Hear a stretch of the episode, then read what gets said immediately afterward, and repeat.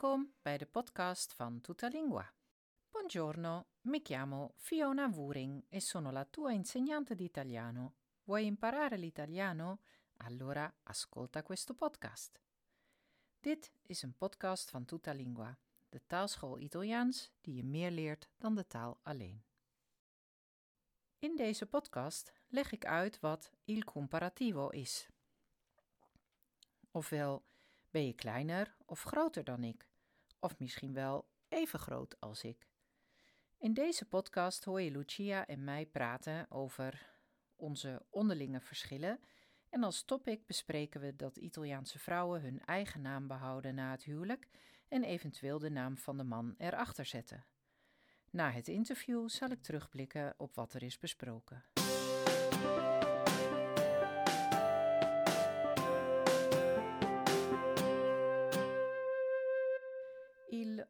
Comparativo is de vergelijkende trap.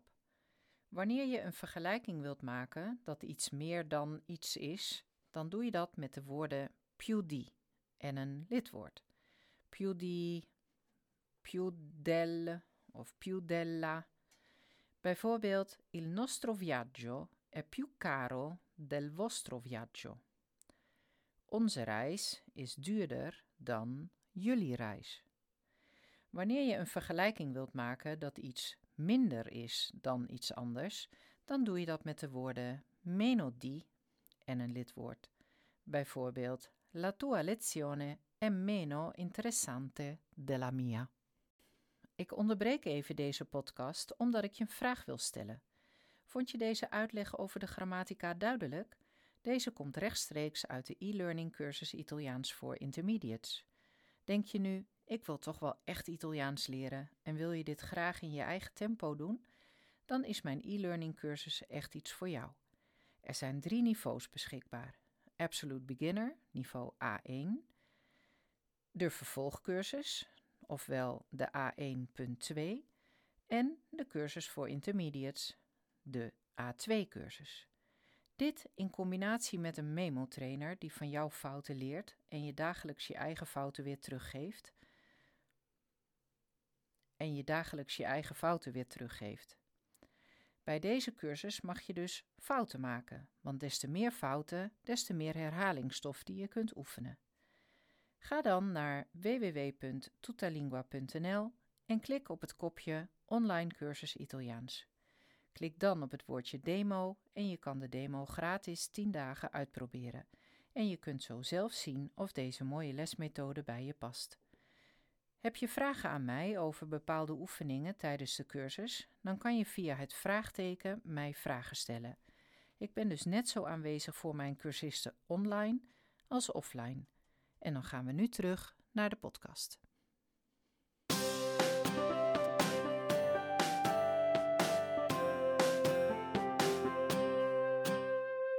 Oh, bentornata Lucia, tornata qui a Borne. Sono felice che oggi siamo di nuovo insieme. E il sole spe- splende. Esatto, qui il sole splende, ad Amsterdam no. Piove.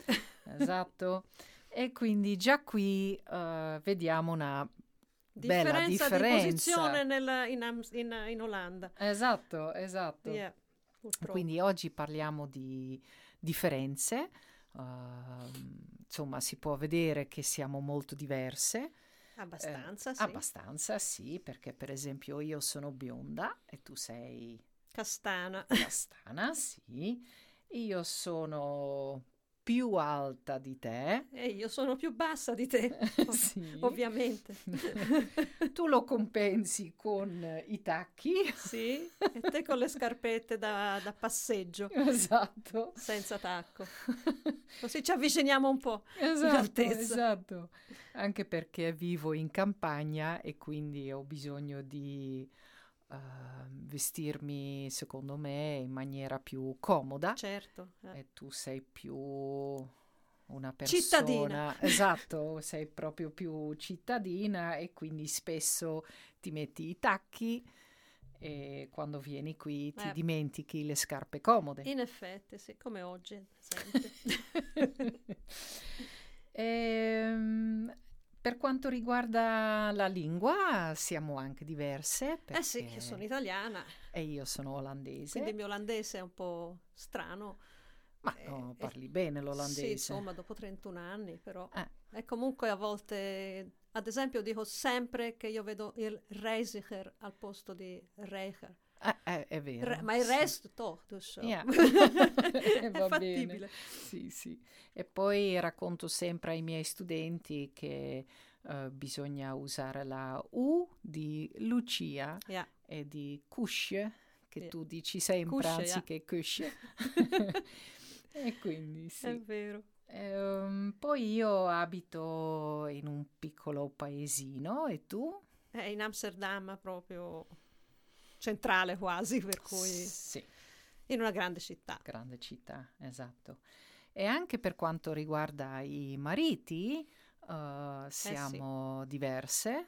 Eh, il mio è olandese, te ti sei presa un bolognese eh. italiano. sì, esatto. E poi posso dire di me stessa che sono una persona abbastanza tranquilla e tu sei una persona, hmm, come si può dire in italiano? Una parola per druk, come si può dire in italiano? Perché delle volte non è facile trovare una parola equivalente, è vero, no? È, è difficile è delle difficile. volte tradurre. Anche per... per... una persona che è italiana di natura, per, per eh, Esatto, perché se, se, guardiamo nel dizionario vediamo tante parole sì, non... per druk, no? E comunque non, non, sono precisamente un sinonimo di tranquilla, ad esempio. Esatto. È difficile anche in italiano trovare una cosa che, che sia allo stesso livello, diciamo, della parola che cerchi. Eh, è difficile. per esempio ho trovato agitata. Eh assomiglia un po', ma non è proprio il contrario di tranquilla. Agitata dà più un'idea di, eh, di una cosa che devi fare veloce o che ti fa un po' eh, anche paura. Sono agitata, eh, tipo, Dio, ho un esame, sono agitata. Esatto. Però non è un, una cosa tua di tutti i giorni che sei sempre agitata. No. Quindi è difficile Esatto. trovare il punto giusto. Della... Esatto, quindi agitata non è in questo no, caso. No. Poi ho trovato frenetica. Eh, lo, frenetica vuol dire yeah, non è il contrario di tranquilla neanche questo, perché frenetica è più una cosa tipo ho un, una giornata frenetica, sono frenetica quando guido, eh, più appunto un senso di sempre ansia e, e velocità. Velocità, sì. Però esatto. appunto non è il non contrario è di tranquilla. Il stato d'animo di tutti i giorni. No, no. no.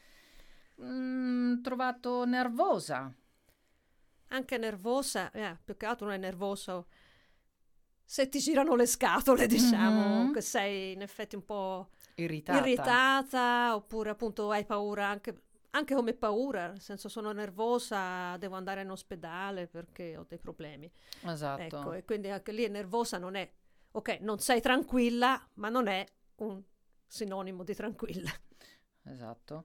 Poi ho trovato affollato è affollato, eh, non si usa per persone chiaramente perché non, non puoi essere affollata, esatto. ma se tu fossi una casa potresti avere una casa affollata o vai in un bar uh, affollato dove c'è quindi, tanta tanta gente. Esatto, perché ecco. riferisce alla parola folla. Infatti, no? quindi, quindi, non ha niente a che vedere con il tuo essere. Tanta gente, ok.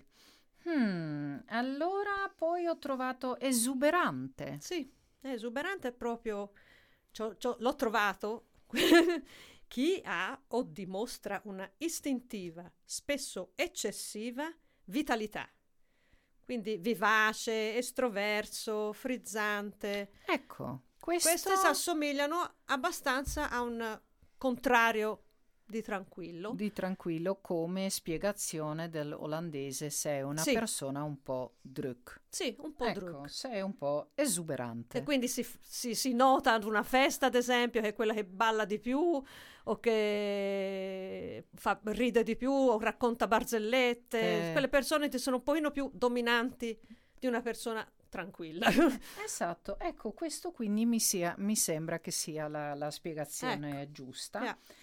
E, mm, interessante anche perché vedi che uno può cercare una parola in un dizionario, ma poi devi sempre metterlo nel proprio contesto, Eh, certo, perché perché delle volte i miei studenti cercano le parole e poi eh, usano questa parola e gli faccio capire che delle volte non non è lo è il contesto contesto. Eh, giusto. infatti. Ok, bene, grazie Lucia. Niente, a dopo.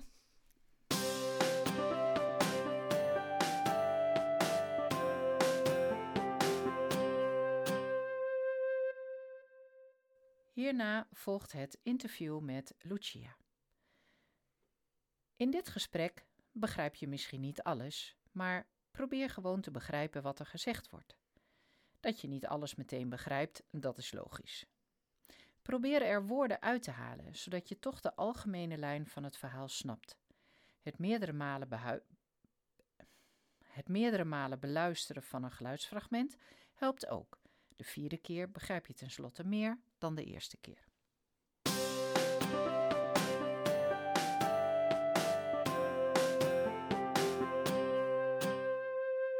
Lucia, eh, ultimamente ehm, tu lo sai, ho deciso di eh, riusare il mio nome da ragazza.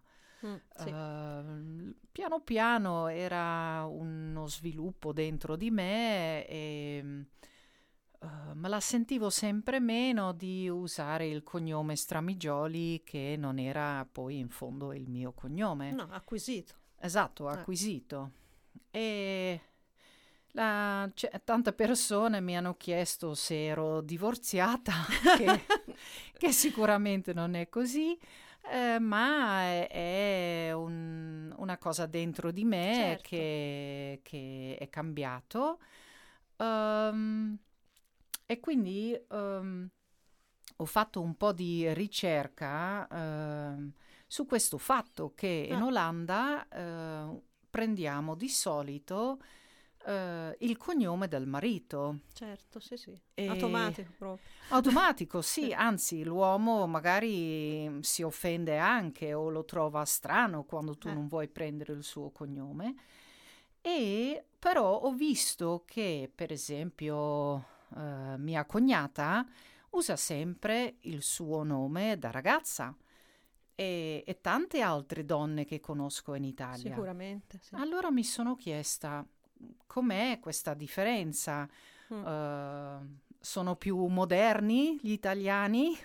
Non lo so.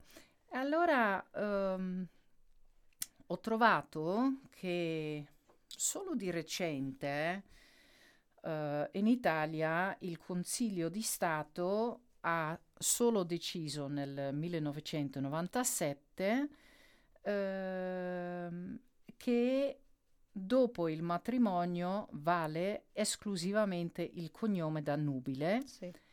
e che l'attribuzione del cognome del marito deve intendersi facoltativa. Ehm,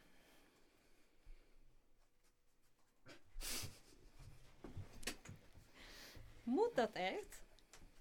Goed zo. Oké.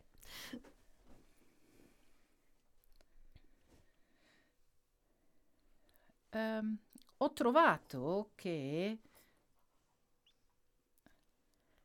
ho trovato che in Inghilterra invece eh, deriva questa, mm, eh, questa nostra tradizione di prendere il cognome del, del marito. Sembra che appunto sia proprio una, una cosa anglosassone come, come cultura.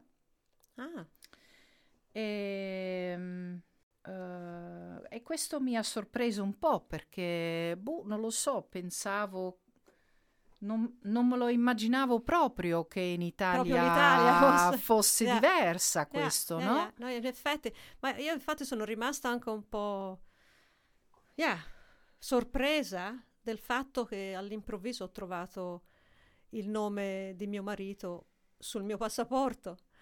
ho detto, ma che strano, cioè il mio, il mio passaporto è il mio e basta. È vero. In Italia è così, non esiste che c'è scritto sul passaporto chi è tuo marito o tua moglie. No, e, e in più sul passaporto del marito non c'è il no, nome No, tuo. qui no, infatti. Eh.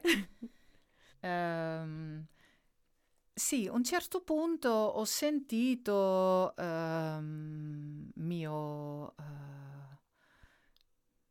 amico italiano che quando ho telefonato mm, a Stefano, mio marito, che c'era un po' di ironia nella sua voce quando ha detto Ah, c'è la Fiona Stramigioli al telefono e Oh. c'era un po' di ironia nella voce, Mm. come dire, lei non è Stramigioli. E questo ha cominciato a, a toccarmi un Certo, pochino, a pensarci anche sopra. a eh. pensarci sopra, perché ho detto, beh, in fondo un, un pochino ha ragione. E come ti ho detto, ho visto che mia suocera usava il nome della ragazza, eh, mia cognata anche, e, e lì ho detto perché in Olanda non, non lo facciamo. E mm, appunto ho trovato un articolo nel Panorama Mhm. che è una rivista italiana, eh, che dice che eh, le donne nel XIV secolo ehm, con, ehm, con eh, il matrimonio diventavano proprio proprietà Sì, sì, del- come se avessero comprato dei cani. o- Esatto, sì, Ecco. sì, come proprio eh, la donna veniva letteralmente coperta dall'identità del marito, Ecco. e prendendo così il cognome Mm. e, mm, e così con il matrimonio marito e moglie diventavano una cosa sola Cioè, e quella cosa era il marito. chiaro. Le donne, qui dice il panorama, le donne così coperte dal cognome e dalla figura del marito non potevano firmare contratti, Niente. commerciare o avere proprietà, in quanto erano già loro stesse di proprietà di qualcuno, Eh, il marito, quindi.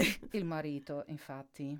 E, e sentendomi una donna indipendente, sposata, Eh, sì, certo, mamma, sì, insegnante, sì, ho tanti ruoli nella mia vita, però la mia identità è di essere Fiona Wuring. Sei nata così. Sono nata così e resto così, infatti. Ehm, Sì, in effetti.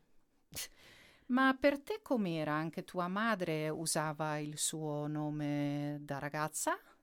Per il lavoro sì, Ah, e anche per i documenti, c'è sempre stato così. Vabbè, lei diciamo lavorava già negli anni 70 e c'era già stato abbastanza, abbastanza movimento eh, femminista e quindi era stata la lotta e anche il, il- il modo di guadagnare la propria l'esistenza, la propria identità per sé e dunque non chi è il marito, e i diritti sono gli stessi. e- hanno fatto tante, tante lotte, in- penso in tutto il mondo, ma in, in Italia l'ho vissuta sulla mia pelle. Ero piccola e mia mamma mi portava alle manifestazioni. davvero? Certo, sì, sì, tutte e due, io e mia la sorella più piccola. Andavamo Ah. ai comizi nelle piazze dove parlavano appunto di libertà della donna, della possibilità di gestire anche, ad esempio, il tuo corpo, mm, il lavoro. Cioè, come, come dicevi adesso, sono una donna indipendente, sono una madre, lavoro e, e quindi ho una mia identità e c'ha un nome. Sì. il nome non è quello di mio marito. No. Non è detto che non ci amiamo. Esatto. Stiamo bene insieme, facciamo i bambini che hanno alcune volte è possibile fare anche sia il- quello della madre, il, fi- il, mm, il nome del- il cognome della madre e il cognome del padre quando nascono i bambini. È molto di moda in questo periodo. È di moda? Sì, Pensa che... Oh, allora comincio a pensare che in Olanda siamo più eh, conservatori. sì, sì, Sembra un po'. Sì, che siete più progressivi voi, perché in Olanda, mm, vabbè, che tu come donna vuoi mantenere il tuo nome, ok. Certo. Eh, però dare il nome eh, eh, il cognome a, due, a tutti e due i genitori. Esatto, ah. o, o, magari di scegliere il cognome della, della, mamma anziché il nome del babbo. Certo, in mm. teoria si può, però viene fatto poco. Ma anche già negli anni quando ero alle, alle, alle superiori, alle scuole superiori, quindi erano negli anni 80, Uh, yeah, anche lì avevo due o tre uh, persone, diciamo, di nobiltà e quindi loro avevano tipo 14 cognomi della degradesca, di, da, ok, però uh, anche compagni di classe con genitori, diciamo, di stato normale, non nobili, ma avevano sia il, quello del papà e quello della mamma. Davvero? Sì, sì, sì, già negli anni 80. Si può. Pensa a te, quindi Stefano poteva chiamarsi Stefano Stramigioli Bottarelli. Certo, se voleva. Ma che bello. Yeah. E questo che è una cosa che mia figlia desidera tanto. Ma certo, perché per, per sempre figli. il padre deve dare il cognome. Eh, perché? Se sono due genitori. Eh, infatti. Eh, bella domanda. Eh... C'hai molto spazio nel passaporto quando devi scrivere due cognomi lunghi, però... Sì però è sì. piacevole sapere che sei di tutti e due, e quindi è vero. perché deve sempre essere il padre? Eh, ti do perfettamente ragione, ma credo che in Olanda non sia così facile. E nessuna donna comunque ha mai, già, già da tanti anni, proprio negli anni 70 penso sia cominciato, il fatto che se una persona lavora, è dipendente o indipendente, ma ni- non importa, però eh, quando lavora e, e, usa il suo nome di origine, cognome d'origine. Al lavoro? Sì. Sì, e però mi, de- mi, hai detto che però tua mamma nel paese la chiamavano certo, signora sì, Marzeni. Se, ti, sì, se vai ad esempio a comprare qualcosa o eh, che ne so, a, a, dire stasera veniamo a mangiare alle 8 al vostro ristorante, sì signora Marzeni, ecco, mm. che ti danno, ti dicono il cognome della famiglia, diciamo. Ecco. Esatto. Ecco. Sì. Però è più che altro, cioè nelle cose pratiche, appunto nel passaporto non c'è il marito scritto sopra. No, e questo eh, non ti dà l'idea di proprietà, Preciso, cioè di essere di moglie di, eh. ma di famiglia Marzeni. Certo. Ecco, questo per esempio, eh. sì, lo trovo una cosa più giusta. Sì.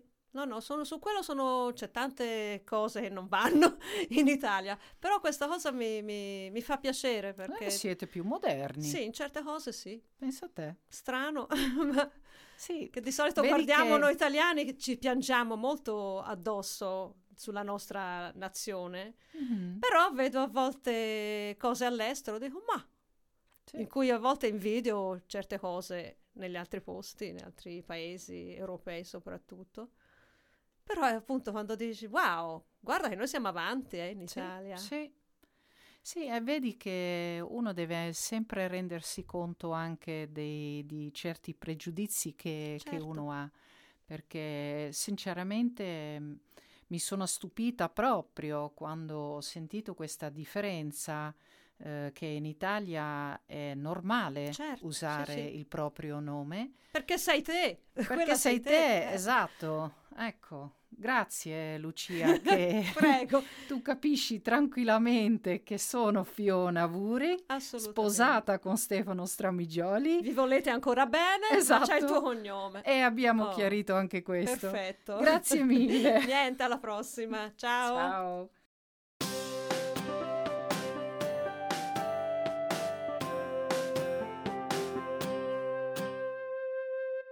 Heb je begrepen dat in Italië de vrouwen na de bruiloft gewoon hun meisjesachternaam houden? En dat het in Nederland juist heel anders is en dat dit te maken heeft met onze anglo-saxische traditie, waar de vrouw een tijd geleden gezien werd als eigendom van de man.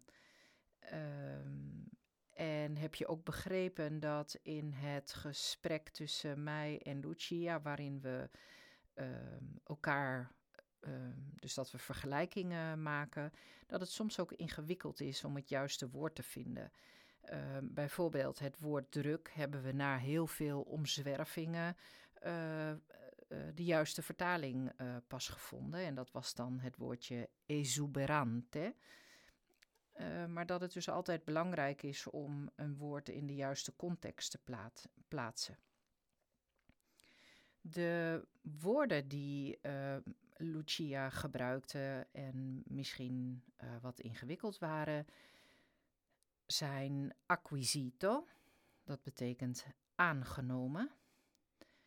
Nubile is ongehuwd. Anglosassone, anglo-saxisch. Rivista, tijdschrift. Proprietà, eigendom. Firmare, ondertekenen. I diritti, de rechten. Conservatori, conservatief. Progressivo, progressief. En il cognome, de achternaam. De bijvoeglijke naamwoorden die we gevonden hadden voor uh, het woordje druk agitata, frenetica, nervosa, irrequieto, affollato, animata en als laatste esuberante. Grazie voor het luisteren naar deze podcast. Wil je graag Italiaans leren? Ga dan naar de website van Tutalingua, waar je meteen kunt starten met de e-learning cursus Italiaans. Vond je dit een leuke podcast en denk je dat hij ook interessant is voor anderen? Geef dan bijvoorbeeld bij Spotify een aantal sterren als waardering of bij Apple Podcast een review. Hiermee help je me om deze podcast meer onder de aandacht te brengen.